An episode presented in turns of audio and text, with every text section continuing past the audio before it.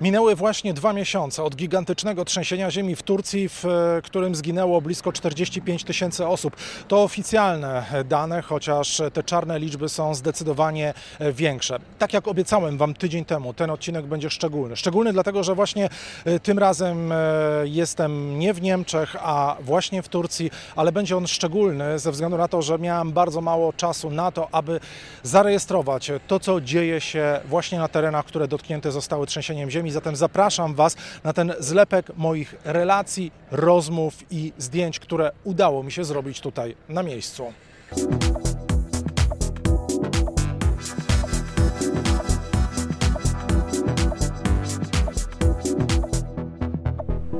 Miejscowość Hatay to właściwie bardzo duże miasto, bo jeszcze przed trzęsieniem ziemi tutaj mieszkało blisko 1 600 tysięcy mieszkańców.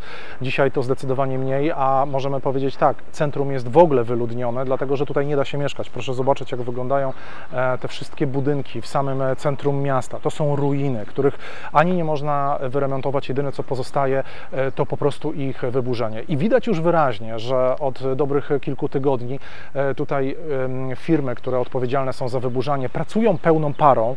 E, w pierwszej kolejności wybudza, wyburzane są e, budynki, które e, grożą zawaleniem, które mogą być, może, mogą stwarzać niebezpieczeństwo dla tych osób, którzy, które się tutaj pojawiają. Natomiast w kolejności, w następnej kolejności wyburzane będą te budynki, które jeszcze są w miarę statyczne. No niestety Hatay, tak jak wiele innych miast, to są miasta wyludnione. Na przedmieściach powstały takie prowizoryczne miasteczka, które po prostu są tylko i wyłącznie takim miasteczkiem zbudowanym z namiotów lub e, kontenerów. E, I tak e, właściwie będzie wyglądać życie mieszkańców tych miejscowości przez najbliższe lata, bo zanim ci ludzie będą mogli wybudować na nowo domy, zanim tutaj w ogóle te tereny zostaną uporządkowane, e, to minie naprawdę bardzo dużo czasu. W Turcji bardzo dużo osób, e, nie, to, są, to są osoby, które co prawda są właścicielami mieszkań lub e, też domów, ale niestety te osoby nie miały wykupionych polis ubezpieczeniowych. Zatem to będzie po prostu ciężka praca i zdobywanie pieniędzy na to, aby można było tutaj zamieszkać. Te prowizoryczne namioty, o których mówiłem, to też są takie miejsca, które jeszcze dzisiaj są znoszone do mieszkania, bo temperatura w południowo-wschodniej Turcji to jest e, około 20, dzisiaj 25 stopni. Natomiast jeżeli e, pomyślimy sobie o takich miesiącach jak maj, jak czerwiec, to niestety to będą miesiące, w których temperatura tutaj będzie dobijać do 40 stopni, a to oznaczać będzie, że trudno będzie spędzić czas w takim namiocie. Dlatego wiele osób już w tej chwili decyduje się na wyjazd na przykład do rodziny w innych regionach w Turcji, w środkowej Turcji w zachodniej, w Antalii na przykład bardzo dużo osób stąd e, wyjeżdża. Nie chcę pozostawać tutaj, bo do czego mam wracać? To miasto to jedno wielkie gruzowisko. Moja trauma jest ogromna. W tej chwili chodzę do psychologa i biorę leki. Tylko w ten sposób mogę w końcu dojść do siebie i zacząć powracać do normalności. Wiem tylko tyle, że za kilka tygodni, gdy pozałatwiamy najważniejsze sprawy, moje dzieci zabiorą mnie do Stambułu. Ale musimy jeszcze trochę poczekać, bo problemów jest naprawdę bardzo dużo. Przywiozłem właśnie moją żonę ze szpitala, bo była tam właśnie operowana. Teraz powoli zaczyna odzyskiwać siły, ale przed nią trudna i długotrwała rehabilitacja. Nie wiem, jak my się tu wszyscy pozbieramy. Było nas 40 osób, około 10 osób przeżyło, 30 osób zginęło. Tak tylko w mojej rodzinie. Mam ogromny żal do naszych władz, że w pierwszych dniach nikt nam tu nie pomagał. To, co się działo w pierwszych godzinach i dniach, było horrorem. To, co się działo na ulicach, nie da się opisać. Ludzie krzyczeli i wołali o pomoc. Krzyki słychać było przede wszystkim pod gruzami, a nasze służby odpowiedzialne za akcje ratunkowe, policja i wojsko tu nie przyjechały. To się stało dopiero po dwóch dniach. Dopiero po dwóch dniach. Turecki rząd, e, co prawda, twierdzi, że stara się pomagać e, i na przykład każda rodzina otrzymała taką e, pierwszą pomoc w wysokości 500 euro, no ale to są pieniądze, które absolutnie nie pomogą. One nawet nie wystarczą na to, aby kupić tak zwany prowizoryczny kontener, bo w tej chwili w Turcji można kupować takie kontenery, tyle że jeden z nich na przykład kosztuje około 3000 euro i wielu osób po prostu na to nie stać, a warto dodać, że w tej chwili w Turcji nie dość, że mamy problem e, po trzęsieniu ziemi, to mamy też ogromny problem ekonomiczny, ponieważ e, inflacja jest tutaj dosłownie galopująca. Wczoraj opublikowane zostały dane, z których wynika, że produkty spożywcze, większość produktów spożywczych zdrożała w ciągu miesiąca. To nie jest porównanie rok do roku, to jest porównanie miesiąc do miesiąca. Produkty zdrożały o 20%. Turecki rząd mówi o tym, że e, sama e, inflacja w ciągu roku to jest 80%, ale to absolutnie nie ma się do rzeczywistości. E, niezależne instytuty mówią o tym, że ta inflacja sięga blisko 300%, zatem ludzi po prostu na to nie stać.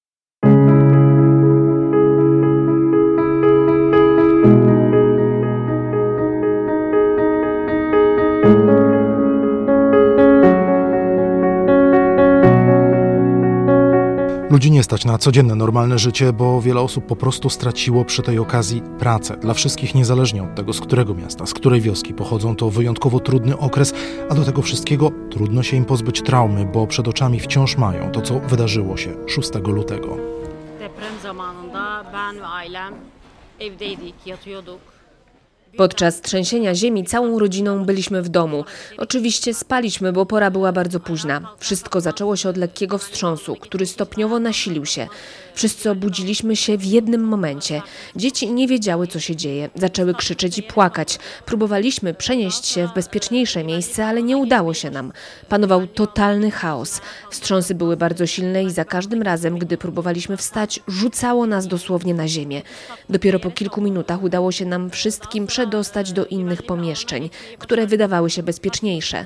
Gdy byliśmy już na miejscu, wydawało się nam, że wstrząsy słabną. I właśnie wtedy z mężem uznaliśmy, że to najlepszy moment, by wyjść na zewnątrz, ale znów trzęsienie ziemi nasiliło się. To był jakiś horror. Nagle szafa w pokoju przewróciła się blokując drzwi, których po prostu nie dało się otworzyć. Robiliśmy co w naszej mocy, żeby je odblokować, ale to nie było takie proste. Musiałam zająć się dziećmi, więc mąż próbował samodzielnie podnieść szafę, co było bardzo trudne. Do tego wszystkiego rzeczy, które znajdowały się w domu, zaczęły na nas spadać.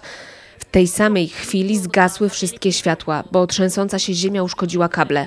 Muszę powiedzieć, że z wielkim trudem udało się nam wyjść na zewnątrz.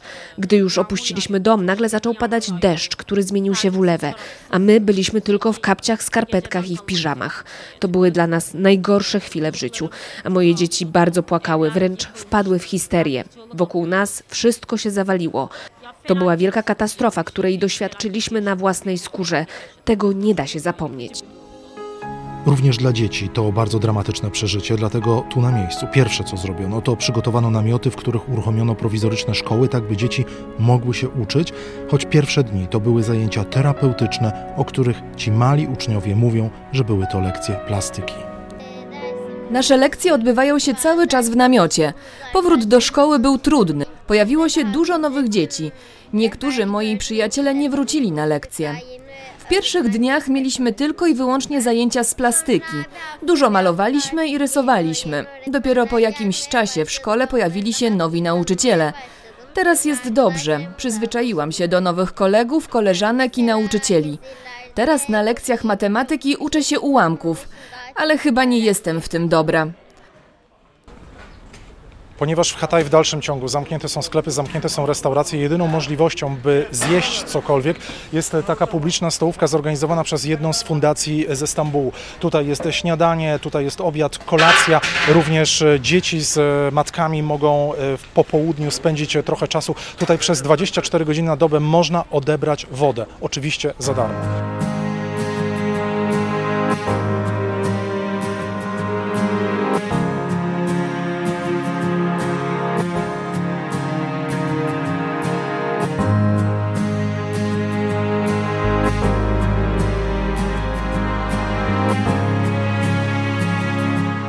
Taką pomoc w historycznej części Hatay w Antaki zorganizowali samorządowcy z zupełnie innego zakątka Turcji, z Szile koło Stambułu. Niemal przez całą dobę pracują tutaj 22 osoby, by pomagać setkom tysięcy ludzi. Gotują, przywożą wodę, leki, wszystko co jest niezbędne do życia.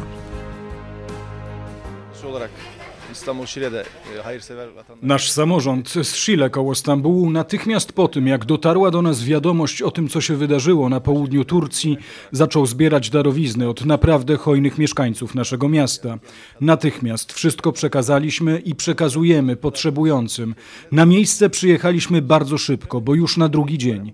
Nasza praca to 24-godzinna służba. Gotujemy na miejscu, każdy może przyjść, zjeść tu śniadanie, obiad czy kolację. Przypadku niektórych rodzin dostarczamy im gotowe pakiety żywnościowe, ponieważ są tacy, co wolą gotować w swoich własnych namiotach, zamiast otrzymywać posiłki. Dla nas nie sprawia to żadnej różnicy. Na pewno zostaniemy tu przez pół roku, ale już dziś widzimy, że tę naszą misję trzeba będzie wydłużyć w zależności od potrzeb. Teraz konieczna będzie dostawa letnich ubrań. Otworzyliśmy również taki minimarket i aptekę, by ludzie mogli się tu zaopatrzyć w najpotrzebniejsze rzeczy, ponieważ sklepy są w dalszym ciągu zamknięte. A czego w tej chwili potrzebują mieszkańcy Hataj? Ogólnie rzecz biorąc, potrzeby dotyczą środków higieny osobistej, środków czystości, potrzebne są koce, śpiwory i odzież, zwłaszcza teraz, gdy nadszedł sezon letni i potrzebna jest letnia odzież. Dotarliśmy na plac Gümhariat, e, to jest e, miejsce e, reprezentacyjne dla Hatay. Tutaj odbywają się demonstracje, tutaj odbywają się spotkania mieszkańców, e, którzy przychodzą. Co dzisiaj tutaj jest? Tutaj właściwie stworzono takie prowizoryczne miasteczko. E, Jest na przykład e, tutaj taki mobilna, mobilna stacja e, telefonii komórkowej, tak by ludzie mieli e, możliwość e, po prostu korzystania z telefonów komórkowych, by mogli kupić też tutaj karty SIM. Tak wygląda budynek e, administracji e, w Hataju. To jest budynek, który też został zniszczony, ale może pokażemy jeszcze inne miejsce, e, bo znajdujemy się też e, przy głównej poczcie, która została e, całkowicie zniszczona. E, I tutaj też dzisiaj e, widzimy postawione kontenery, e, postawiony taki mobilny bankomat, a tak wygląda dzisiaj budynek głównej poczty poczty, która e, też musi zostać e, po prostu za jakiś czas zburzona, bo na pewno tego budynku e, nie można odbudować. Oficjalnie mówi się, że w tym trzęsieniu ziemi zginęło około 45 tysięcy osób, ale ta ciemna liczba, ta nieoficjalna liczba, zdaniem wielu mieszkańców, jest zdecydowanie e, większa i nawet ją w tej chwili trudno oszacować.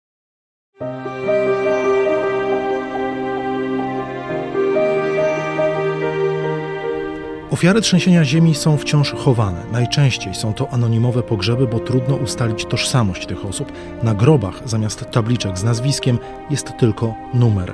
Po tym numerze w przyszłości będzie można ewentualnie przeprowadzić badania genetyczne, tak by ustalić konkretnie, kto leży w danym grobie, ale jak mówią same władze regionu, to będzie bardzo trudne zadanie, bo ginęły całe rodziny, więc po DNA trudno będzie ustalić, kto konkretnie zginął.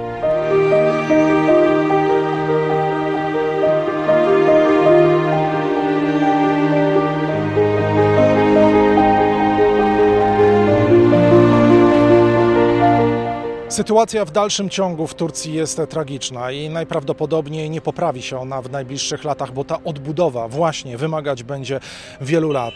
Dziękuję Wam za uwagę. Życzę wesołych świąt, bo w Polsce przecież zaraz zaczynają się e, święta. Nasz kolejny odcinek już z Berlina. Do usłyszenia, do zobaczenia. Tschüss.